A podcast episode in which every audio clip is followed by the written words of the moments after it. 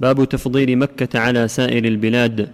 عن عبد الله بن عدي بن الحمراء أنه سمع النبي صلى الله عليه وآله وسلم يقول وهو واقف بالحزورة في سوق مكة. والله إنك لخير أرض الله وأحب أرض الله إلى الله. ولولا أني أخرجت منك ما خرجت.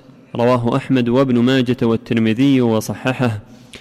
وعن ابن عباس رضي الله عنهما قال قال رسول الله صلى الله عليه وآله وسلم لمكة ما أطيبك من بلد وأحبك إلي ولولا أن قومي أخرجوني منك ما سكنت غيرك. رواه الترمذي وصححه. باب حرم المدينة وتحريم صيده وشجره. عن علي رضي الله عنه قال قال رسول الله صلى الله عليه وآله وسلم المدينة حرم ما بين عير إلى ثور مختصر من حديث متفق عليه. وفي حديث علي عن النبي صلى الله عليه وآله وسلم في المدينة لا يختلى خلاها ولا ينفر صيدها ولا تلتقط لقطتها إلا لمن أشاد بها. ولا يصلح لرجل أن يحمل السلاح فيها لقتال ولا يصلح أن يقطع فيها شجرة إلا أن يعلف رجل بعيره. رواه أحمد وأبو داود. وعن عباد بن تميم عن عمه أن رسول الله صلى الله عليه وآله وسلم قال إن إبراهيم حرم مكة ودعا لها وإني حرمت المدينة كما حرم إبراهيم مكة متفق عليه. وعن أبي هريرة قال حرم رسول الله صلى الله عليه وآله وسلم ما بين لابتي المدينة وجعل اثني عشر ميلا حول المدينة حمى متفق عليه. وعن أبي هريرة في المدينة سمعت رسول الله صلى الله عليه وآله وسلم يحرم شجرها أن يخبط أو يعضد رواه أحمد. وعن أنس رضي الله عنه أن النبي صلى الله عليه وآله وسلم أشرف على المدينة فقال اللهم إني أحرم ما بين جبليها مثلما حرم إبراهيم مكة. اللهم بارك لهم في مدهم وصاعهم. متفق عليه. وللبخاري عنه أن النبي صلى الله عليه وآله وسلم قال المدينة حرم من كذا إلى كذا لا يقطع شجرها ولا يحدث فيها حدث من أحدث فيها حدثا فعليه لعنة الله والملائكة والناس أجمعين. ولمسلم عن عاصم الأحول قال سألت انسانا أحرم رسول الله صلى الله عليه وآله وسلم المدينة؟ قال سألت انسانا كذا. قال سألت انسا أحرم رسول الله صلى الله عليه وآله وسلم المدينة؟ قال نعم هي حرام ولا يختلى خلاها فمن فعل ذلك فعليه لعنة الله والملائكة والناس أجمعين. وعن أبي سعيد أن رسول الله صلى الله عليه وآله وسلم قال إني حرمت المدينة حرام ما بين مأزميها. ألا يهراق فيها دم ولا يحمل فيها سلاح ولا يخبط فيها شجر إلا لعلف. وعن جابر رضي الله عنه قال قال رسول الله صلى الله عليه وآله وسلم إن إبراهيم حرم مكة وإني حرمت المدينة ما بين لابتيها لا يقطع عضاهها ولا يصاد صيدها. رواهما مسلم. وعن جابر أن النبي صلى الله عليه وآله وسلم قال في المدينة حرام ما بين حرتيها وحماها كلها وحماها كلها لا يقطع شجرها إلا أن يعلف منها. رواه أحمد. وعن عامر بن سعد عن أبيه قال قال رسول الله صلى الله عليه وآله وسلم إني أحرم ما بين لابتي المدينة أن يقطع عضاهها أو يقتل صيدها. وعن عامر بن سعد أن سعد ركب إلى قصره بالعقيق فوجد عبدا يقطع شجرا أو يخبطه فسلبه. فلما رجع سعد جاءه أهل العبد فكلموه أن يرد على غلامهم أو عليهم ما أخذ من غلامهم. فقال معاذ الله أن أرد شيئا نفلنيه رسول الله صلى الله عليه وآله وسلم وأبى أن يرد عليهم. رواهما أحمد ومسلم. وعن سليمان بن أبي عبد الله قال رأيت سعد بن أبي وقاص أخذ رجلا يصيد في حرم المدينة الذي حرم رسول الله صلى الله عليه وآله وسلم فسلبه ثيابه فجاء مواليه فقال إن رسول الله صلى الله عليه وآله وسلم حرم هذا الحرم وقال من رأيتموه يصيد فيه شيئا فلكم سلبه. فلا أرد عليكم طعمة أطعمنيها رسول الله صلى الله عليه وآله وسلم ولكن إن شئتم أعطيتكم ثمنه أعطيتكم. رواه أحمد وأبو داود. وقال فيه من أخذ أحدا يصيد فيه فليسلبه ثيابه. في الحد الأول والثاني فيما يتعلق بفضل مكة. مكة هي أفضل البقاع. وأفضل أرض الله وأحب أرض الله إلى الله. من ذلك حديث عبد الله بن علي بن حمراء. بن الحمراء النبي صلى الله عليه وسلم لما وقف في الحزورة. الحزورة قال صاحب النهاية بزناة قسورة. فتح الحاء والواو تسكين الزاء بينهما حسورة بعض الناس ينطقها بالتشديد حزورة والصواب التخفيف. وهكذا الحديبية. بعض الناس ينطقها بالتشديد وهي بالتخفيف حديبية. هكذا قال الشافعي. الناس يشددون وهي بالتخفيف. حزورة وحديبية كذا في النهاية. وقال إنك لخير أرض الله وأحب أرض الله إلى الله. ولو ولولا أن قومك ولولا أن قومي أخرجوني منك منك لما خرجت. وهذا يدل على فضلها وأنها أفضل البقاع من هذا أن الصلاة فيها بمئة ألف صلاة هذا يدل على أنها أفضل البقاع فيها الكعبة المشرفة التي هي بيت الله يحجه الناس قد فرض الله على الناس حج البيت فهي أفضل البقاع وخير البقاع ثم تليها المدينة. وفي حديث وفي الأحاديث الكثيرة الدلالة على أن المدينة حرم وأن الرسول حرمها كما حرم إبراهيم مكة. فالمدينة لها حرم مقداره 12 ميل من جوانبها بريد في بريد. البريد 12 ميل.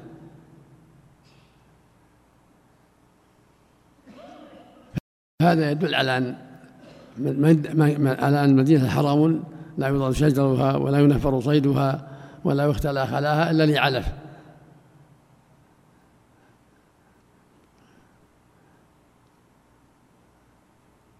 وهي 12 ميل من كل جانب من المسجد 12 ميل.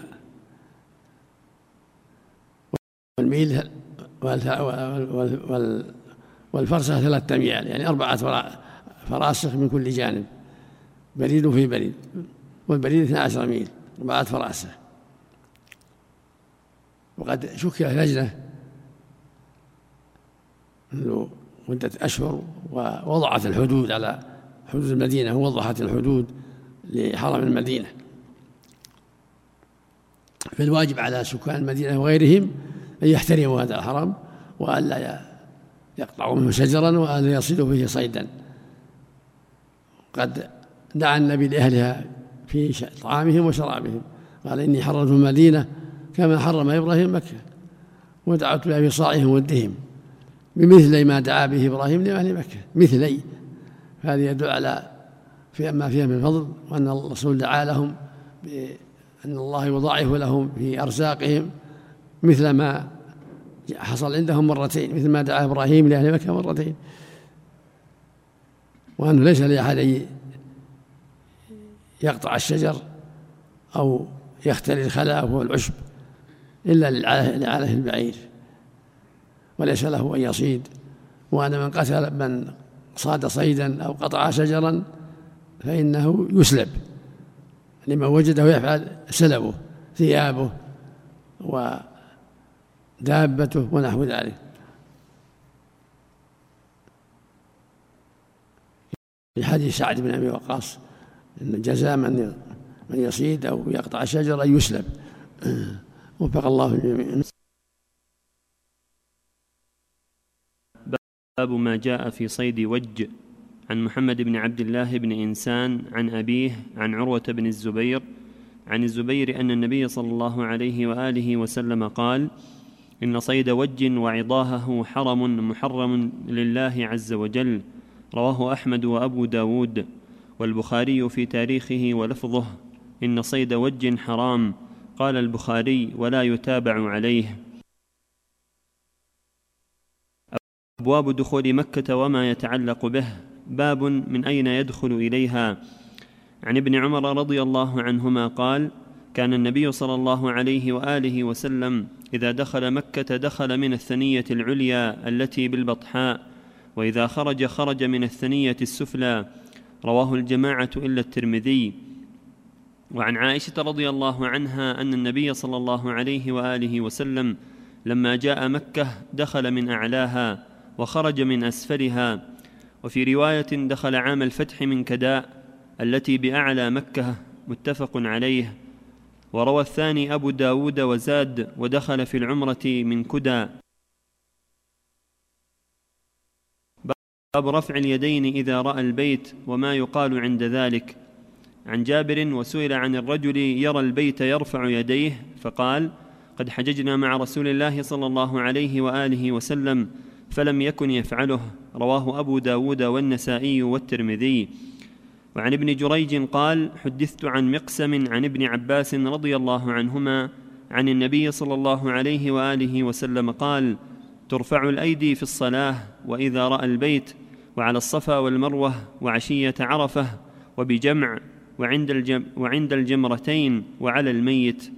وعن ابن جريج أن النبي صلى الله عليه وآله وسلم كان إذا رأى البيت رفع يديه وقال اللهم زد هذا البيت تشريفا وتعظيما وتكريما ومهابة وزد من شرفه وكرمه ممن حجه واعتمره تشريفا وتعظيما وتكريما وبرا.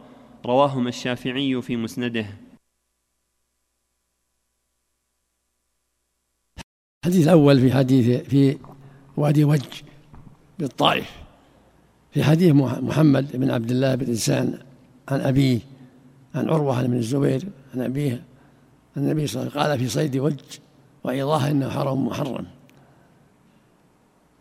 هذا الحديث عند أهل العلم ضعيف نبه أهل العلم على ضعفه وأنه لا يصح عن النبي صلى الله عليه وسلم. ومحمد بن عبد الله بن إنسان وأبوه لا يحتج بهما.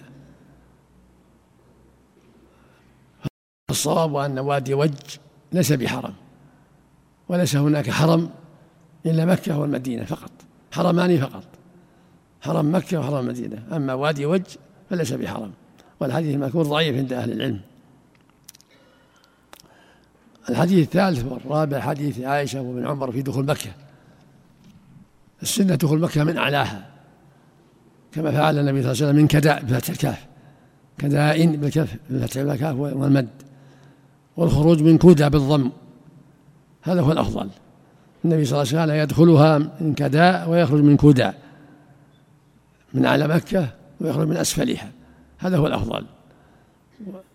وكان أهل مكة يقولون افتح وادخل واضمون مخرج فالخروج بالضم كدع والدخول بالفتح كدع كان النبي دخلها من كداء بالفتح من أعلى مكة وخرج من أسفلها من كداء هذا هو الأفضل. وكيفما دخل أجزاء الحمد لله. من كل مكان لا بأس.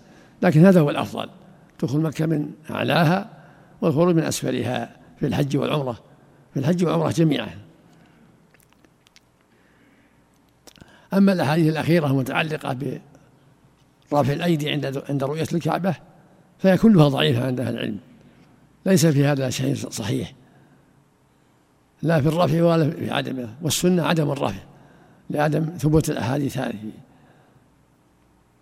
فإذا رأى البيت إذا دخل مكة لا يشرع له رفع اليدين. ليس له دعاء خاص ولا رفع يدين. كل الأحاديث هذه ضعيفة. ولكن إذا دخل البيت إذا دخل المسجد يقدم رجله اليمنى ويقول مثل ما يقول بقية المساجد. بسم الله والصلاة والسلام على رسول الله. نعوذ بالله العظيم وجهه الكريم وسلطانه القديم من الشيطان الرجيم. اللهم افتح لي أبواب رحمتك. وإذا وصل إلى الكعبة طاف بها. وإن كان طاف القدوم يطبع يجعل رداءه تحت إبطه الأيمن وأطرافه على عاتق الأيسر هذا الاطباع ويطوف. يكبر عند عند قرب الحجر ويستلمه ويقبله ويكبر. ويطوف سبعة أشواط. هذا هو السنة. أما عند رؤية البيت فليس فيه شيء مشروع. لا ذكر ولا دعاء. كل هذه الأحاديث المذكورة هنا كلها ضعيفة. التي عن جابر وعن ابن جريج وعن غيره كلها ضعيفة. وبين أهل العلم أنه ليس في رؤية البيت ذكر مشروع ولا دعاء مشروع ولكن يدخل المسجد كما يدخل بقية المساجد. فإذا وصل الكعبة بدأ بالحجر الأسود واستلامه وقبله وكبر وطاف سبعة الأشواط وإن كان طواف القدوم اطبع وجعل وسط رداء تحت إبطه الأيمن وطرفيه على عاتقه الأيسر. وفق الله الجميع السنة في الصلاة يرفع لكن ما عند رؤية البيت فقط.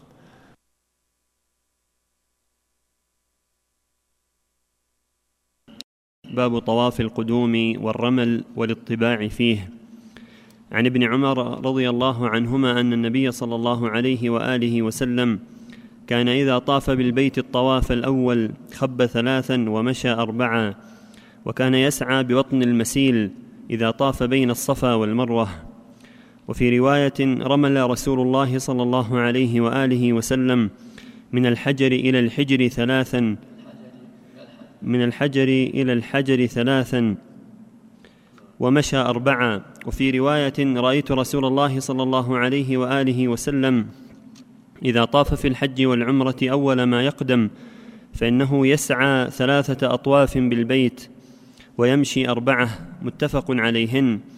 وعن يعلى بن أمية أن النبي صلى الله عليه وآله وسلم طاف مطبعا وعليه برد. رواه ابن ماجة والترمذي وصححه وأبو داود وقال ببرد له أخضر وأحمد ولفظه. لما قدم مكة طاف بالبيت وهو مطبع ببرد له حضرمي. وعن ابن عباس رضي الله عنهما أن رسول الله صلى الله عليه وآله وسلم وأصحابه اعتمروا من جعرانة فرملوا بالبيت وجعلوا أرديتهم تحت آباطهم ثم قذفوها على عواتقهم اليسرى. رواه أحمد وأبو داود.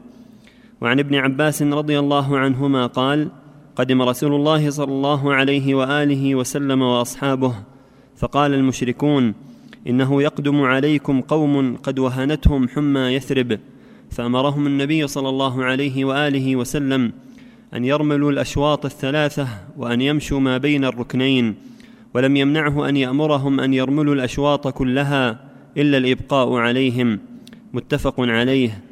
وعن ابن عباس قال رمل رسول الله صلى الله عليه وآله وسلم في حجته وفي عمره كلها وأبو بكر وعمر والخلفاء رواه أحمد.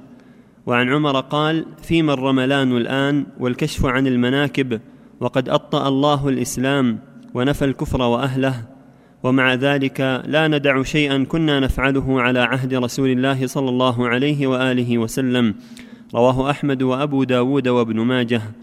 وعن ابن عباس أن النبي صلى الله عليه وآله وسلم لم يرمل في, في السبع الذي أفاض فيه رواه أبو داود وابن ماجه. هذه الأحاديث كلها تدل على شرعية الرمل في طواف القدوم وهو الإسراع في المشي والخبب في الأشواط الثلاثة. الأولى من طواف القدوم سواء كان حج أو عمرة. هذا هو السنة. أن يسرع في الأشواط الثلاثة يخب خبا في طواف القدوم ويمشي في الأربعة الأخيرة.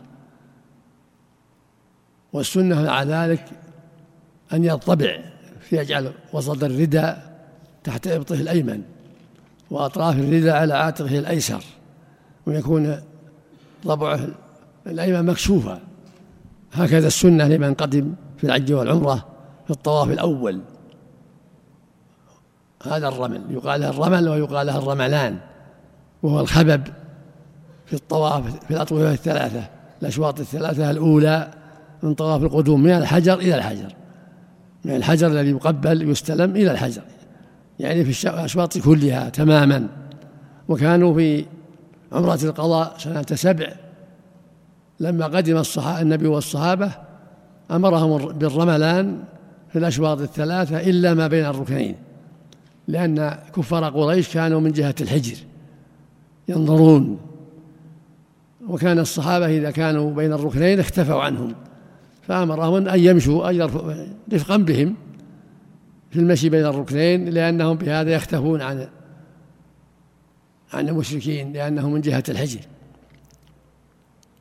ولكنه صلى الله عليه وسلم في عمرة الجعرانة وبحجة الوداع رمل. بعدما فتح الله عليه وذهب الشرك وأهله واستقر المسلمون فدل على أن هذا سنة باقية. ولهذا قال عمر في من رملان؟ وقد أذهب الله الشرك وأهله ثم قال لا ندع سنة نبينا صلى الله عليه وسلم. فالنبي صلى الله عليه وسلم رمل في حجة الوداع وهو آمن والبلاد بلاد إسلام في حجة الوداع ورمل. وهكذا في عمرة الجيرانة بعدما فتح الله عليه مكة رمل فدل على أنها سنة مستقرة وأن الحاج والمعتمر إذا قدم مكة أول أول طواف فالسنة لهم الرمل في الأشواط الثلاثة الخبب. ثم المشي في الأربعة ويكون الرمل من الحجر إلى الحجر من الحجر الأسود إلى الحجر الأسود يعني الأشواط الثلاثة كلها. ويدل أيضا على أن السنة الاطباع في طواف القدوم وهو أن يجعل وسط الرداء تحت إبطه الأيمن وأطراف الرداء على عاتقه الأيسر في جميع الطواف في جميع أشواط السبعة في طواف القدوم. فإذا انتهى من الطواف جعل الرداء على كتفيه. وصلى ركعتي الطواف والرداء على كتفيه. هذا هو المشروع. إنما يكون مطبعا حال الطواف. فإذا فرغ من الطواف جعل الرداء على كتفيه وصلى ركعتي الطواف وقد جعل الرداء على كتفيه. وفي حديث على أن النبي صلى الله عليه وسلم طاف ببرد أخضر. دل على أن لا حرج أن يطوف إنسان ببرد أخضر. هو ملزوم أبيض الأبيض أفضل. وإذا طاف برد أخضر أو أحمر فلا بأس. النبي صلى الله عليه وسلم كان يلبس الحلة الحمراء ويصلي فيها ودخل مكة في وعليه عمامة سوداء عليه الصلاة والسلام فلا حرج. كل إنسان يلبس أخضر أو أسود أو أحمر أو أصفر لا لا حرج. لكن البياض أفضل. وفيه من الفوائد أن العمرة إذا كانت دون الميقات فيها رمل أيضا.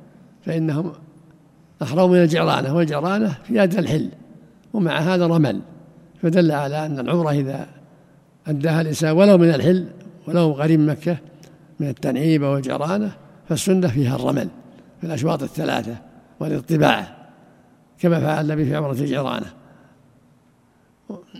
وفق الله الجميع. الله إليكم شيخ بعض الناس يقول أن الإطباع في الأشواط الثلاثة. لا الإطباع في جميع الطواف.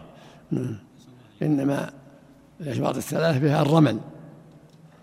أما الاطباع فيكون في السبعة كلها. نعم. إذا كان لا يستطيع الرمل إلا إذا بعد عن الكعبة كثيرا للزحام فيبعد أحسن. يبعد يبعد لأن الرمل مشروع في نفس العبادة واللي فيها أفضل من اللي في مكانها نعم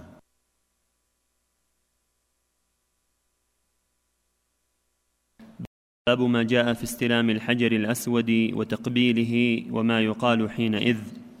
عن ابن عباس رضي الله عنهما قال قال رسول الله صلى الله عليه وآله وسلم ياتي هذا الحجر يوم القيامة له عينان يبصر بهما ولسان ينطق به يشهد لمن استلمه بحق.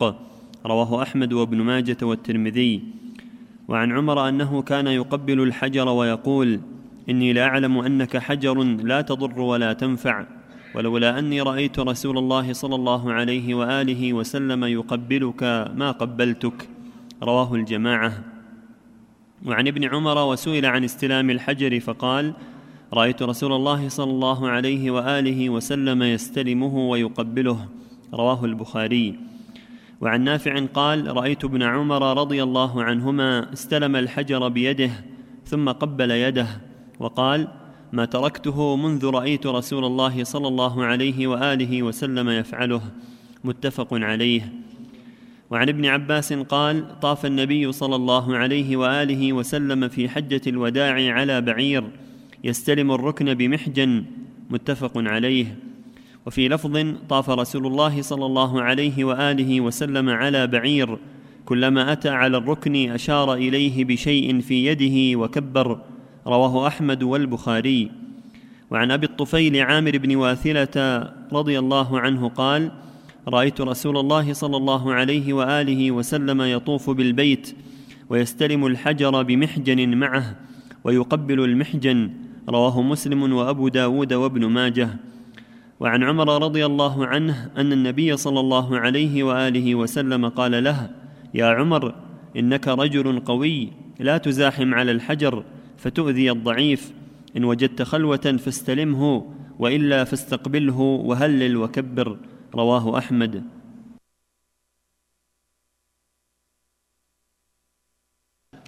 هذه الأحاديث كلها تدل على شرعية استلام الحجر الأسود في الطواف وتقبيله. ويدل الحديث الأول على أن هذا الحجر يوم القيامة يشهد لمن استلمه بحق. فهذا يدل على شرعية تقبيل الحجر الأسود واستلامه باليد والتكبير عنده. وكان عمر رضي الله عنه يقول إذا مر عليه إني أعلم أنك حجر لا تضر ولا تنفع ولولا أني رأيت أن يقبلك ما قبلتك. هذا يدل على أنه يقبله طاعة لله واتباعا للشريعة لا لأنه يضر وينفع حجر لا يضر ولا ينفع ولكن نقبله كما قبله النبي صلى الله عليه وسلم ونستلمه كما استلمه. صلى الله عليه وسلم. ويوم القيامة يشهد لمن استلمه بحق. يعني استلمه عن إيمان وعن صدق لا عن رياء ولا عن سمعة ولكنه استلمه بحق طاعة لله واتباعا لمرضاته وقد جاء في الحجر ثلاث صفات. إحداها أن يستلمه بيده ويقبل الحجر ويكبر. هذا هو الأفضل. يقبله ويستلمه بيده ويقول الله أكبر. الحالة الثانية أن يستلمه باليد فقط أو بالعصا ويقبل يده أو أو العصا ولا يقبله. عند بعض الزحام يستلم بيده أو بمحجن أو عصا ويقبل يده أو طرف المحجن. الثالث أن يكون بعيد عنه كالراكب والمزحوم فهذا يشير من بعيد ويكفي يشير ويكبر ولا في التقبيل لا يقبل ما أشار به. كما طاف النبي على بعيد يشير إليه ويكبر عليه الصلاة والسلام. هذا هذه حالة ثلاث حالات. إذا تمكن منه قريبا منه استلمه بيده وقبله وقال الله أكبر. فإن كان بعيدا بعض الشيء استلمه بيده أو بالعصا وقبل يده أو العصا وإن كان بعيدا جدا ولم يستطع التقبيل أشار إليه بيده أو بالعصا وكبر فقط. في جميع الأطواف في الطواف الثاني الأول والثاني إلى آخر إلى الطواف الأخير إلى نهاية الطواف الأخير حتى عند النهاية.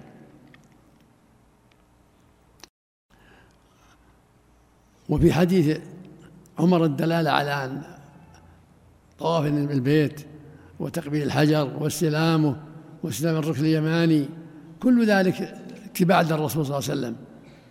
لا لأن هذا الحجر يضر وينفع لا ولكن نطوف بالكعبة ونستلم الحجر ونستلم الركن اليماني ونسعى بنصره كل ذلك طاعة لله واتباعا للشريعة.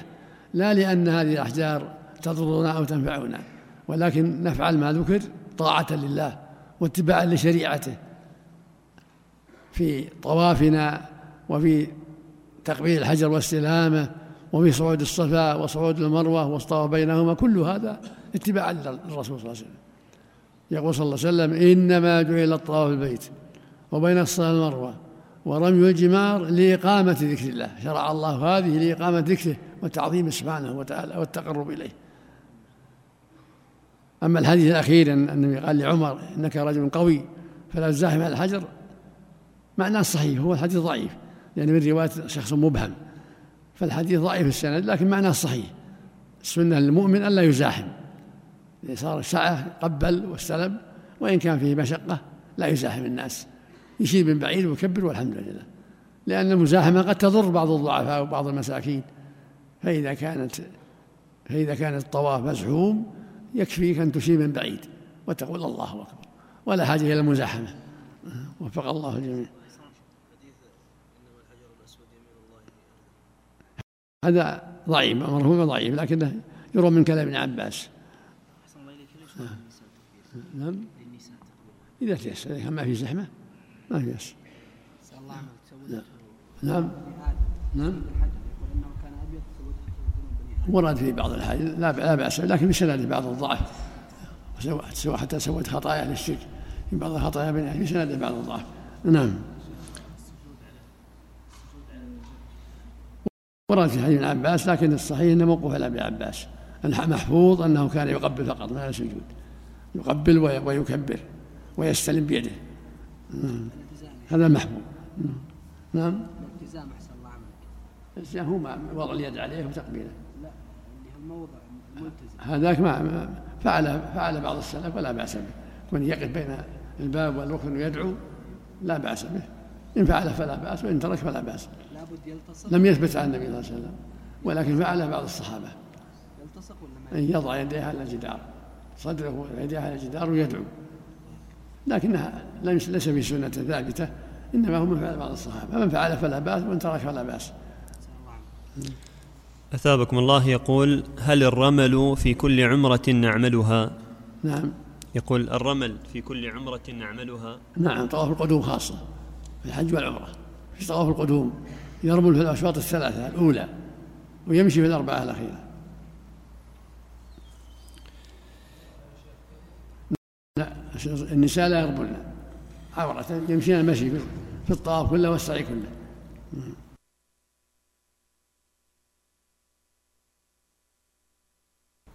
باب استلام الركن اليماني مع الركن الأسود دون الأخيرين.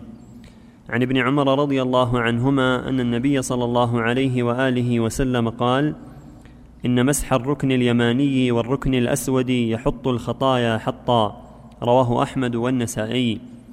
وعن ابن عمر رضي الله عنهما قال لم أرى النبي صلى الله عليه وآله وسلم يمس من الأركان إلا اليمانيين. رواه الجماعة إلا الترمذي. لكن له معناه من رواية ابن عباس. وعن ابن عمر أن النبي صلى الله عليه وآله وسلم كان لا يدع أن يستلم الحجر والركن اليماني في كل طوافه. رواه أحمد وأبو داود. وعن ابن عباس قال كان رسول الله صلى الله عليه وآله وسلم يقبل الركن اليماني ويضع خده عليه. رواه الدار قطني. وعن ابن عباس رضي الله عنهما قال كان النبي صلى الله عليه وآله وسلم إذا استلم الركن اليماني قبله. رواه البخاري في تاريخه. باب الطائف يجعل البيت عن يساره ويخرج في طوافه عن الحجر. عن جابر أن رسول الله صلى الله عليه وآله وسلم لما قدم مكة أتى الحجر فاستلمه ثم مشى على يمينه فرمل ثلاثا ومشى اربعا. رواه مسلم والنسائي. وعن عائشة قالت سأل سألت النبي صلى الله عليه وآله وسلم عن الحجر أمن البيت هو؟ قال نعم. قلت فما لهم لم يدخلوه في البيت؟ قال إن قومك قصرت بهم النفقة. قالت فما شأن بابه مرتفعا؟ قال فعل ذلك قومك ليدخل ليدخلوا من شاءوا ويمنعوا من شاءوا. ولولا أن قومك حديث عهد بالجاهلية فأخاف أن تنكر قلوبهم أن أدخل الحجر في البيت وأن ألصق بابه بالأرض. متفق عليه. وفي رواية قالت كنت أحب كنت أحب أن أدخل البيت أصلي فيه فأخذ رسول الله صلى الله عليه وآله وسلم بيدي فأدخلني الحجر فقال لي صلي في الحجر إذا أردت دخول البيت فإنما هو قطعة من البيت ولكن قومك استقصروا حين بنوا الكعبة فأخرجوه من البيت رواه الخمسة إلا ابن ماجه وصححه الترمذي وفيه إثبات التنفل في الكعبة.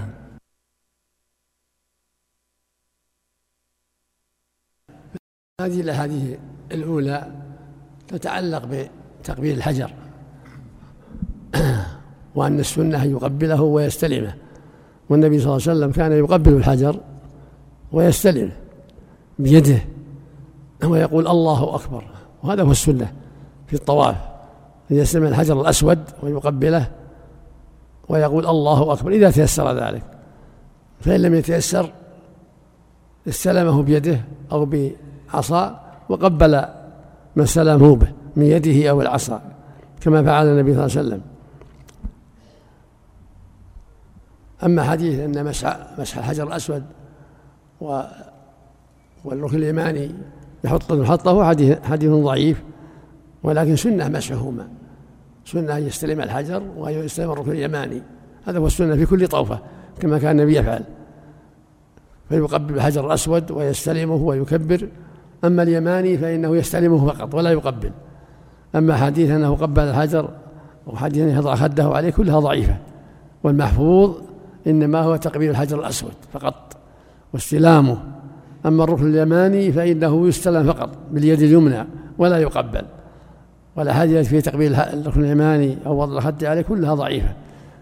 غير ثابتة عن النبي صلى الله عليه وسلم. والمحفوظ إنما هو تقبيل الحجر الأسود واستلامه باليد فإن شق ذلك استلمه بيده أو بالعصا وقبل العصا أو اليد. فإن شق أشار إليه من بعيد وكبر. هكذا فعل النبي صلى الله عليه وسلم. أما اليماني فإنه يستلمه مع القدرة بيمينه ويقول بسم الله والله أكبر. فإن لم يتيسر فلا شيء فلا إشارة ولا غيرها هذا هو المحفوظ عن النبي عليه الصلاة والسلام. وقد ثبت عنه كما تقدم أنه لما طاف بالبيت وهو على بعيره أشار إليه. أشار إليه وكبر وفي بعض الأحيان طاف واستلم بمحجن مقبلا محجن كما في حديث أبي الطفيل. وفي هذا الحديث حديث عائشة ومع فيها أنه إذا طاف يجعل البيت عن يساره. يطوف يجعل البيت عن يساره ويطوف سبعة أشواط خارج الحجر. وفي حديث عائشة وغيره الدلالة على أن الحجر من البيت. لا بد يكون الطائف يطوف من ورائه لا يدخل من من من, من, الحجر لا بل يطوف من خارج الحجر. لأن الحجر من البيت كما أخبر النبي صلى الله عليه وسلم. ولكن قريشا قصرت بهم النفقة فأخرجوا الحجر. كانوا قد جمعوا نفقة من من أموال طيبة أبعدوا عنها الربا والمكوس وقصرت لم تكفي فأخرجوا الحجر. فالسنة أن يكون الطواف من ورائه لا لا من داخل الحجر وفيه حديث عائشة الدلالة على أن الصلاة في الحجر من البيت وأن من أحب يصلي في البيت كفاه يصلي في الحجر قال لعائشة صلي في الحجر فإنه من البيت ولا يحتاج التكلف والمزاحمة. إذا صلى في الحجر فقد صلى في البيت والحمد لله. من عند المنحنى سبعة أذرع هذا اللي من البيت والمنحنى خارج البيت من حين من حين ينحني. كما بينه النبي عليه الصلاة والسلام سبعة أذرع كلها خارج كلها من جملة البيت. وفق الله الجميع باب الطهارة والسترة للطواف. في حديث أبي بكر الصديق عن النبي صلى الله عليه وآله وسلم قال لا يطوف بالبيت عريان. وعن عائشة أن أول شيء بدأ به النبي صلى الله عليه وآله وسلم حين قدم أنه توضأ ثم طاف بالبيت متفق عليهما. وعن عائشة عن النبي صلى الله عليه وآله وسلم قال الحائض تقضي المناسك كلها إلا الطواف. رواه أحمد. وهو دليل على جواز السعي مع الحدث. وعن عائشة أنها قالت خرجنا مع رسول الله صلى الله عليه وآله وسلم لا نذكر إلا الحج حتى جئنا سرف فطمثت, فطمثت فدخل علي رسول الله صلى الله عليه وآله وسلم وأنا أبكي فقال ما لك؟ لعلك نفست. فقالت نعم. قال هذا شيء كتبه الله عز وجل على بنات آدم افعلي ما يفعل الحاج. غير أن لا تطوفي بالبيت حتى تطهري متفق عليه. ولمسلم في رواية فاقضي ما يقضي الحاج غير أن لا تطوفي بالبيت حتى تغتسلي. هذه الأحاديث تتعلق بالطهارة والسترة للطائف. الطواف صلاة كما في أثر ابن عباس مرفوعا وموقوفا والموقوف أصح. الطواف بيت صلاة إلا أن الله أباح فيه الكلام. فمن تكلم فلا يتكلم إلا فلا يتكلم إلا بخير. وفي الصحيحين أن الرسول صلى الله عليه وسلم لما قدم مكة بدأ بالوضوء كما قالت عائشة ثم طاف. فدل على أن أنه لا بد من الوضوء لقوله صلى الله عليه وسلم خذوا عني مناسككم فلما توضأ ثم طاف دل على أن الطواف لا بد له من الطهارة كما في الاعتراض طواف ما في صلاة. وقد بعث المنادين الصديق رضي الله عنه معه المؤذنون عام تسع من الهجرة يؤذنون في الناس أنه لا يطوف بيت العريان ولا يحج بعد الآن مشرك. فدل على أن لا بد من السترة في الطواف. وكان بعض أهل الجاهلية إذا لم يكن عندهم ثياب نظيفة طافوا عراه فنهاهم الله عن ذلك وأبطل هذه السنة الجاهلية.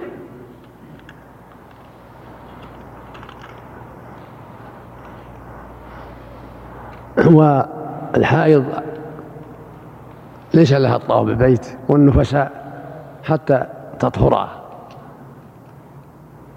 لأن عائشة رضي الله عنها لما قدمت مكة أصابها الحيض بسرف فقال لها النبي صلى الله عليه وسلم هذا شيء كتبه الله على بنات آدم وهو الحيض لما رآها تبكي. ثم قال أفعلي ما يفعله الحاج غير أن لا تطهري حتى تطهري. دل ذلك على أن الطواف يحتاج للطهارة من الحيض والنفاس والحدث. كالصلاة. أما السعي فلا يشترط له شيء لأن الرسول إنما قال في الطواف. أما السعي مدته تطول مسافة طويلة من رحمة الله هل لم يسر فيه الطهارة. لكن إن تيسرت الطهارة فهو أفضل. إن تيسرت الطواف الطهارة في السعي فهو أفضل. وإلا لو طافت حائضا لو سعت حائضا أو نفساء أو سعى على غير طهارة أجزاء المهم الطواف. إذا طاف على طهارة ثم انتقضت طهارته بعد الطواف وسعى على غير طهارة أجزاء وهكذا لو طافت وهي طاهرة ثم حاضت جاز لها السعي.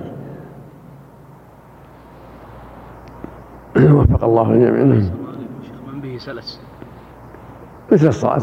مثل يتوضأ قبل الطواف يطوف يتحفظ يتحفظ بشيء من من قطن أو غيره على ذكره ويطوف يتوضأ ويطوف والحمد لله. ما ينكرون يا شيخ شيخ الإسلام ابن تيمية لا يرى اشتراط نعم يختار يختار من السنة لكن قول ضعيف قول الشافعي هذا ضعيف الصواب ما قاله الجمهور إنه لابد من الطهارة. الله اليك. نعم. الصفا والمروة الصفا والمروة أليس داخلا في المسجد؟ لا لا خارج المسجد خارج المسجد نعم. نعم. إذا جاء الحيض إذا جاء الحيض ولم تطف طواف الإفاضة ورفقتها تسافر ولا تستطيع العودة يلزمها البقاء مع محرمها حتى تطوف فإن تيسر لها الذهاب والرجوع فلا بأس وإلا تبقى. النبي صلى الله عليه وسلم قال لصفية لما أحابستنا هي تحبس رفيقها محرمها.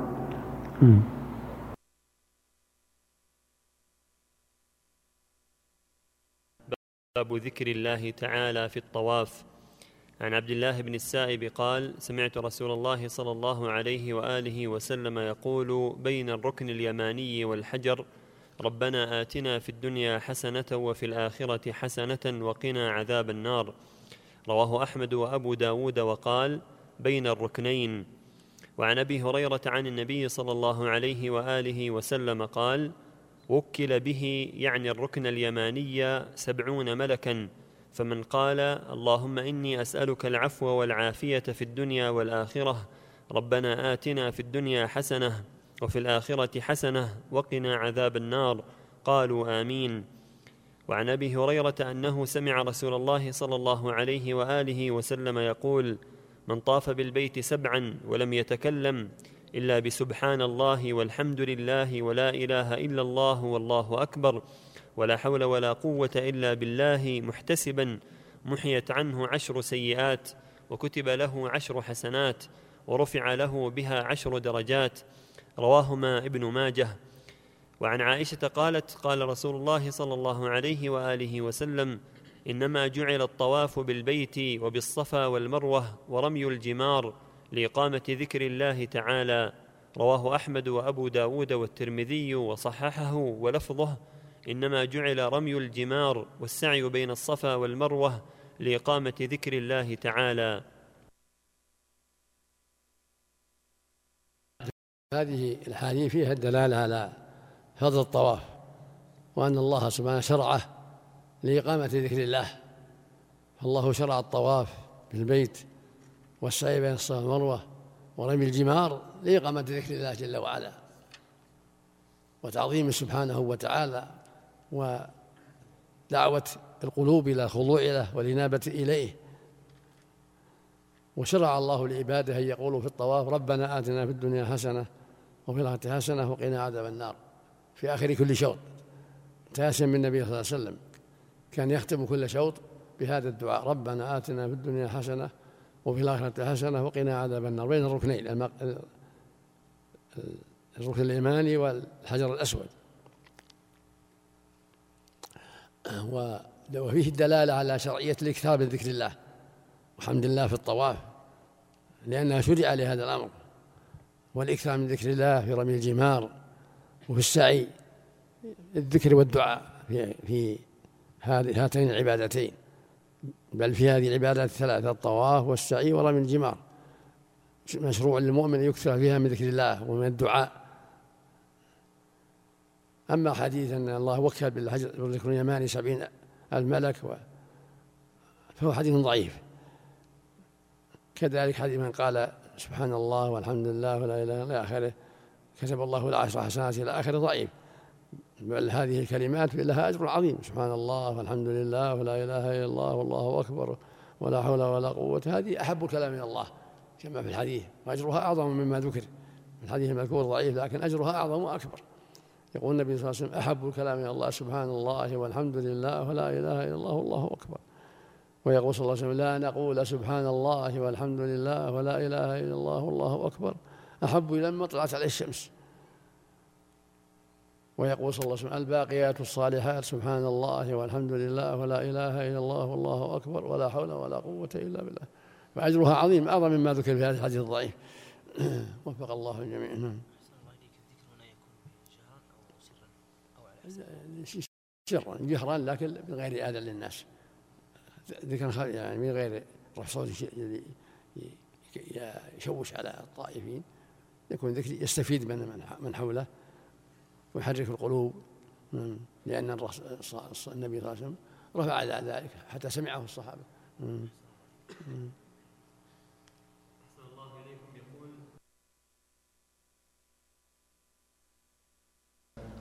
باب الطواف راكبا لعذر. عن أم سلمة رضي الله عنها أنها قدمت وهي مريضة فذكرت ذلك للنبي صلى الله عليه وآله وسلم فقال طوفي من وراء الناس وأنت راكبة. رواه الجماعة إلا الترمذي. وعن جابر قال طاف رسول الله صلى الله عليه وآله وسلم بالبيت وبالصفا والمروة في حجة الوداع على راحلته يستلم الحجر بمحجنه لأن يراه الناس وليشرف ويسألوه فإن الناس غشوه. رواه أحمد ومسلم وأبو داود والنسائي. فإن الناس غشوه رواه أحمد ومسلم وأبو داود والنسائي. وعن عائشة قالت طاف رسول الله صلى الله عليه وسلم في حجة الوداع على بعيره يستلم الركن كراهية أن يصرف عنه الناس. رواه مسلم. وعن ابن عباس أن النبي صلى الله عليه وآله وسلم قدم مكة وهو يشتكي فطاف على راحلته. كلما أتى على الركن استلم الركن بمحجن فلما فرغ من طوافه أناخ فصلى ركعتين. رواه أحمد وأبو داود. وعن أبي الطفيل قال قلت لابن عباس أخبرني عن الطواف بين الصفا والمروة راكبا أسنة هو؟ فإن قومك يزعمون أنه سنة. قال صدقوا وكذبوا. قلت وما قولك صدقوا وكذبوا. قال إن رسول الله صلى الله عليه وآله وسلم كثر عليه الناس يقولون هذا محمد هذا محمد حتى خرج العواتق من البيوت. قال وكان رسول الله صلى الله عليه وآله وسلم لا يضرب الناس بين يديه فلما كثروا عليه ركب والمشي والسعي أفضل. رواه أحمد ومسلم.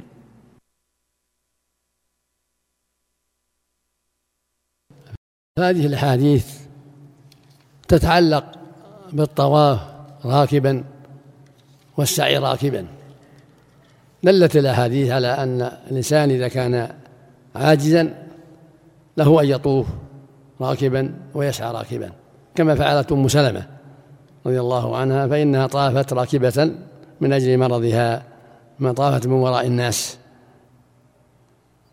وهكذا المحمول الذي يحمل على عربية أو على رؤوس الرجال من العذر من أجل المرض أو كبر السن لا بأس بذلك. أما النبي صلى الله عليه وسلم فقد طاف راكبا و وماشيا. فعند طواف القدوم في حجة الوداع وطواف الإفاضة طاف ماشيا. في الأشواط الأولى في طواف القدوم ولم ير ورمل.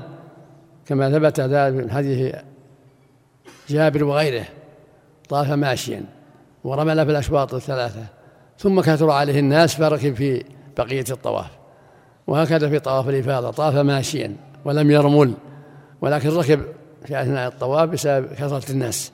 لما غشوه وكثروا عليه ركب وصار يطوف راكبا ويستلم الركن بالمحجن وربما أشار إليه وكبر.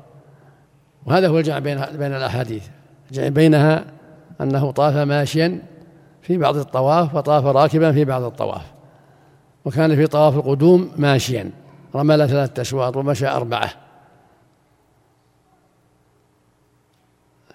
ما جاء عن ابن عباس وعن غيره أنه طاف راكبا يعني في بعض الأطرفة مو في كل الطواف في بعض الأشواط. وما جاء ماشيا يعني في بعض الأشواط.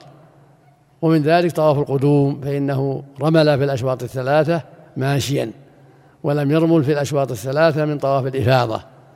فدل ذلك على أن الرمل يختص بطواف القدوم في الأشواط الثلاثة خاصة ودل على أن من لم يستطع الطواف فإنه يطوف يعني ماشيا فإنه يطوف راكبا وهكذا السعي يطوف يسعى ماشي راكبا فإن تيسر المشي فهو أفضل.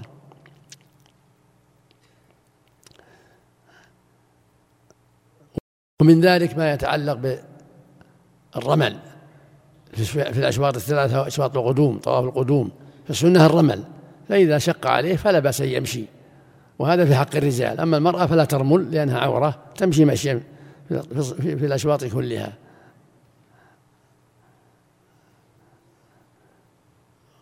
وكون الناس غشوه وكثروا عليه هذا من الأعذار في, في ركوبه عليه الصلاة والسلام. نعم. وفق الله الجميع. باب ركعتي الطواف والقراءة فيهما واستلام الركن بعدهما. الحديثان رواهما ابن عمر وابن عباس وقد سبق. وعن جابر أن رسول الله صلى الله عليه وآله وسلم لما انتهى إلى مقام إبراهيم قرأ واتخذوا من مقام إبراهيم مصلى فصلى ركعتين فقرأ فاتحة الكتاب. وقل يا أيها الكافرون وقل هو الله أحد ثم عاد إلى الركن فاستلمه ثم خرج إلى الصفا. رواه أحمد ومسلم والنسائي وهذا لفظه. وقيل للزهري إن عطاء يقول يجزيه المكتوبة من ركعتي الطواف. فقال السنة أفضل. لم يطف النبي صلى الله عليه وآله وسلم اسبوعا إلا صلى ركعتين. أخرجه البخاري. باب السعي بين الصفا والمروة. عن حبيبة بنت أبي تجراه قالت رأيت رسول الله صلى الله عليه وآله وسلم يطوف بين الصفا والمروة والناس بين يديه وهو وراءهم وهو يسعى حتى أرى ركبتيه من شدة السعي يدور به إزاره وهو يقول اسعوا فإن الله كتب اسعوا فإن الله كتب عليكم السعي وعن صفية بنت بنت شيبة أن امرأة أخبرتها أنها سمعت النبي صلى الله عليه وآله وسلم بين الصفا والمروة يقول كتب عليكم السعي فاسعوا رواهما أحمد. وعن أبي هريرة أن النبي صلى الله عليه وآله وسلم لما فرغ من طوافه أتى الصفا فعلى عليه حتى نظر إلى البيت ورفع يديه فجعل يحمد الله ويدعو ما شاء أن يدعو رواه مسلم وأبو داود. وعن جابر أن رسول الله صلى الله عليه وآله وسلم طاف وسعى رمل ثلاثا ومشى اربعا ثم قرأ واتخذوا من مقام إبراهيم مصلى فصلى سجدتين وجعل المقام بينه وبين الكعبة ثم استلم الركن ثم خرج فقال إن الصفا والمروة من شعائر الله فابدأوا بما بدأ الله به رواه النسائي. وفي حديث جابر أن النبي صلى الله عليه وآله وسلم لما دنا من الصفا قرأ إن الصفا والمروة من شعائر الله أبدأ بما بدأ الله عز وجل به فبدأ بالصفا فرقى عليه حتى رأى البيت فاستقبل القبلة فوحد الله وكبره وقال لا إله إلا الله وحده لا شريك له له الملك وله الحمد وهو على كل شيء قدير لا إله إلا الله وحده أنجز وعده ونصر عبده وهزم الأحزاب وحده ثم دعا بين ذلك فقال مثل هذا ثلاث مرات ثم نزل إلى المروة حتى انصبت قدماه في بطن الوادي حتى إذا صعدتا مشى حتى أتى المروة ففعل على المروة كما فعل على الصفا رواه مسلم وكذلك أحمد والنسائي بمعناه.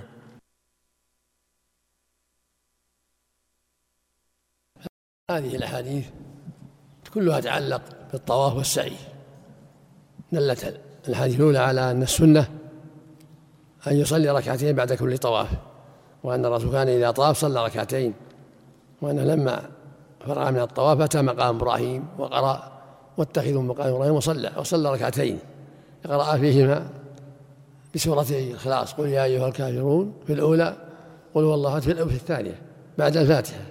هذا هو السنة. لمن صلى لمن طاف أن يصلي ركعتين سواء كان الطواف واجبا أو مستحبا. ولما قيل الزهري إن فلان يرى أن صلاة الفجر تكفي قال السنة أفضل. قد صدق الزهري. السنة هو أن يصلي ركعتين ولا يكفي يصلي الفجر بعد ذلك. بل متى طاف السنة أن يصلي ركعتين سواء كان الطواف فرضا أو نفلا. وسواء كان الطواف للحج أو للسعي أو أو للعمرة كل واحد. وفيه أنه صلى الله عليه وسلم لما طاف طواف القدوم مر على الركن واستلمه ثم خرج إلى الصفا. فهذا يدل على أن إذا تيسر ذلك يستحب المر على الركن الحجر الأسود يستلمه إذا تيسر. بعد طواف القدوم بعد الركعتين يمر عليه في طريق في طريقه إلى مسعى ويستلمه بيده فقط إذا تيسر ذلك. وفي الأحاديث الأخرى الدالة على وجوب السعي وأن الواجب على كل حاج وكل معتبر يسعى. لأن الرسول سعى وقال خذوا عني من أسكنكم ولما روي عنه صلى الله عليه وسلم أنه قال إن الله كتب عليه السعي. وإن كان في سندها قال لكنها تعترض بغيرها.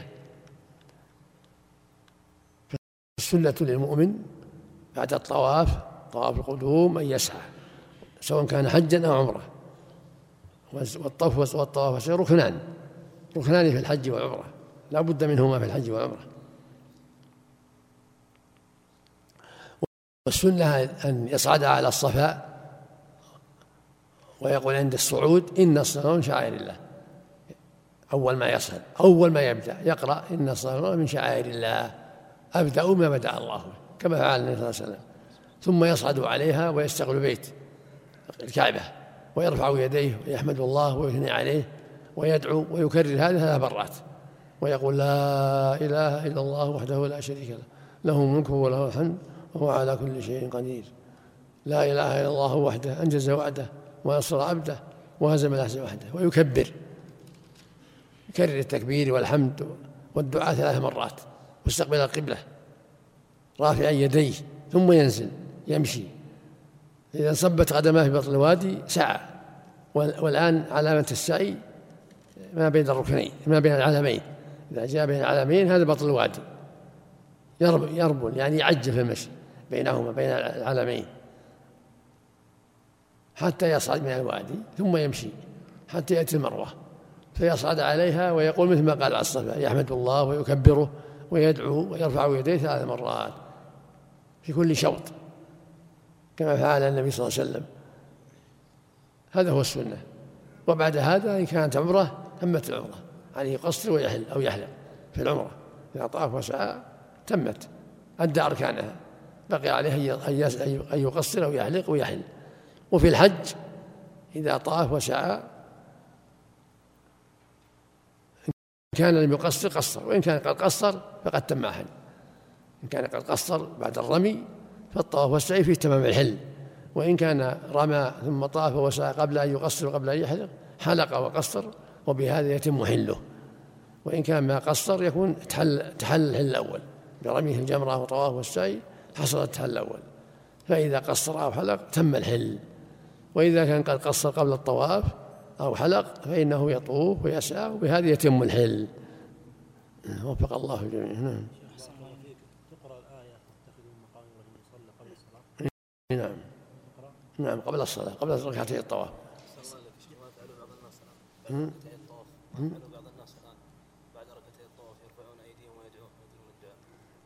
الأفضل بعد ركعتين ما في ما في رفع يديه بعد الركعتين انتهى. صلي ركعتين من غير رفع يديه النبي ما رفع يديه صلى بعدهم. اتخذ مقام إبراهيم.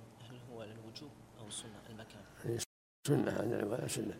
اتخذ مقام وصلى نعم للعالمين في دعاء مخصوص احسن الله اليه يد ما تيسر يد ما تيسر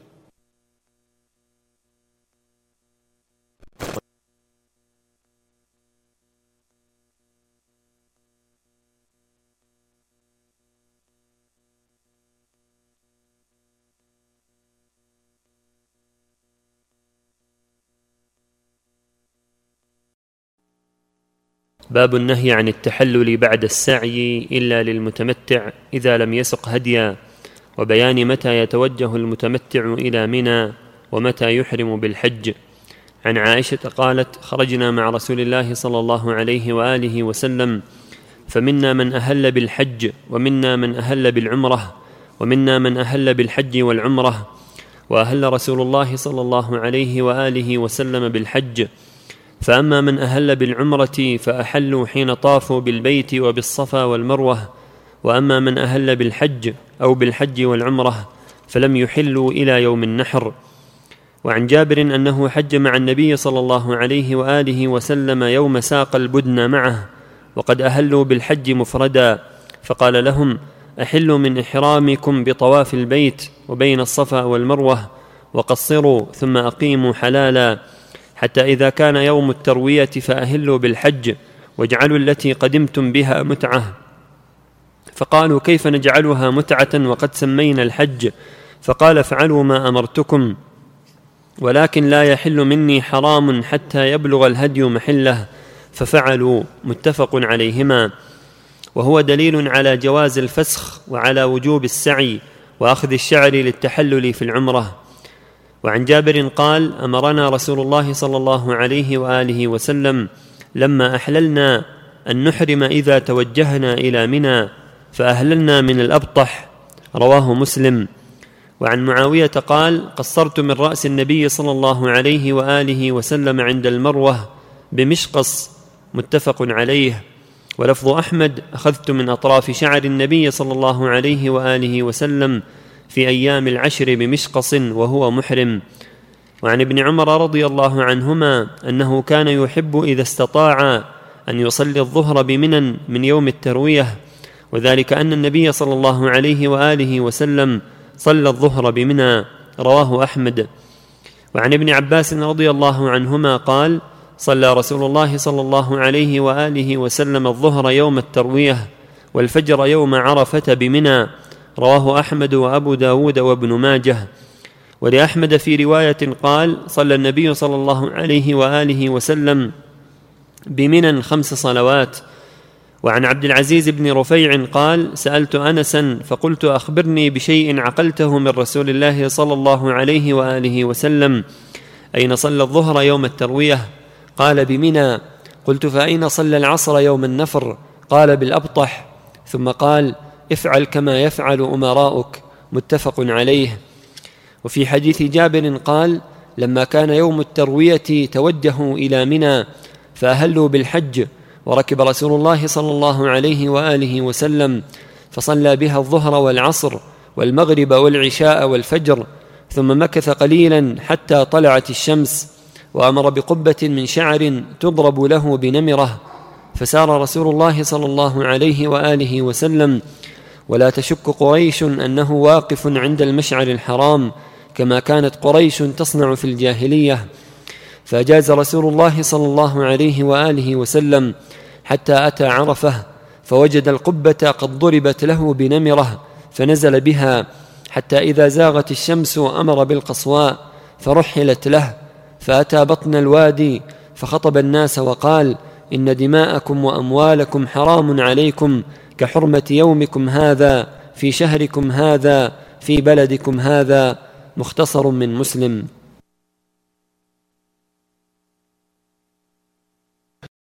هذه الأحاديث فيها بيان أحكام الحج والعمرة وبيان متى يتوجه الحجيج من مكة إلى منى ومتى ينصرفون منها ومتى ينصرفون من عرفات ومن مزدلفة إلى منى. ثبت في الأحاديث الصحيحة عن رسول الله صلى الله عليه وسلم أنه خير أصحابه في الميقات بين الحج والعمرة والجمع بينهما فأهل بعضهم بالحج. وبعضهم أهل بالعمرة وبعضهم أهل بهما في ذي الحليفة مع عشر من الهجرة حجة الوداع وأهل الرسول حج وعمرة جميعا قارنا.